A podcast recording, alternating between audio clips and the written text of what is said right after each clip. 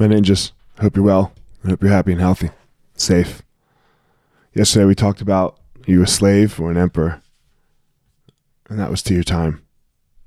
How did you start to be the emperor of your time so that everything in your day belongs to you?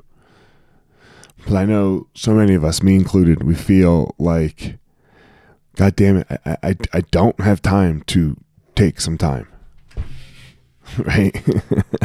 it, it's kind of crazy to hear to hear yourself say that. I don't have time to take some time, and you're asking for more time. Light a candle. Start there. Just simply have a candle, take a second, light it, and take a breath. You owned the second. You owned the very second that you lit the candle and that you looked at the candle, looked at the fire burning. And then you're going to probably go about your day. But you owned a second of it.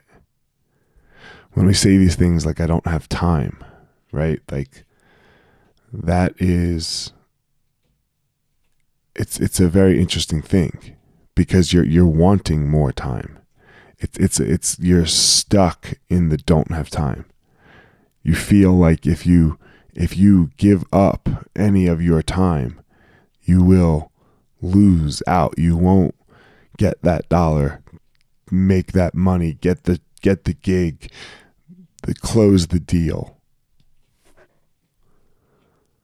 There's a uh, there's a, a meditation saying, you know, that I steal and it says, man, if you don't have 10 minutes in your day to breathe, well, then shit, you need an hour.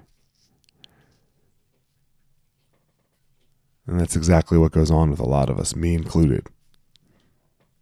You know, we want more hours in the day. We don't need more hours in the day.